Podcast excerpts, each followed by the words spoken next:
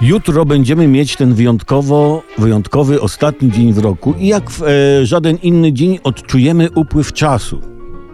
I nasze oczy tkwiące w teraźniejszości, rozumiane jako bieżący moment uchwycony w konkretnej chwili, zwracają się w kierunku przeszłości, czyli tego, co było, a jednocześnie przyszłości, czyli tego, co będzie.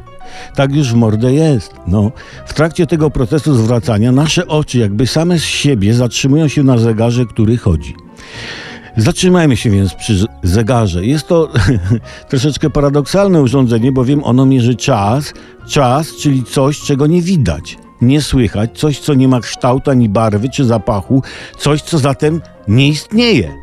Ale jest właśnie dlatego ciekawe, że tego nie ma, mimo że pędzi, choć nie to, co byśmy chcieli. Niby mamy najwyższy czas, no ale nie mamy najniższego czasu. Jest czas wolny, ale nie ma szybkiego czasu. I właśnie do mierzenia czasu, którego nie mamy, służy zegar. Na początku był to zegar słoneczny, lecz jego wadą było to, że nie pokazywał czasu w nocy. Bogaci rozwiązywali to w ten sposób, że po zapadnięciu zmierzchu wokół tarczy zegara słonecznego poruszał się niewolnik z lampką oliwną i tykał. Czasem śpiącego bogacza tykał, a czasem bogacz tykał jego. Takie to były rozpustne czasy początku zegara.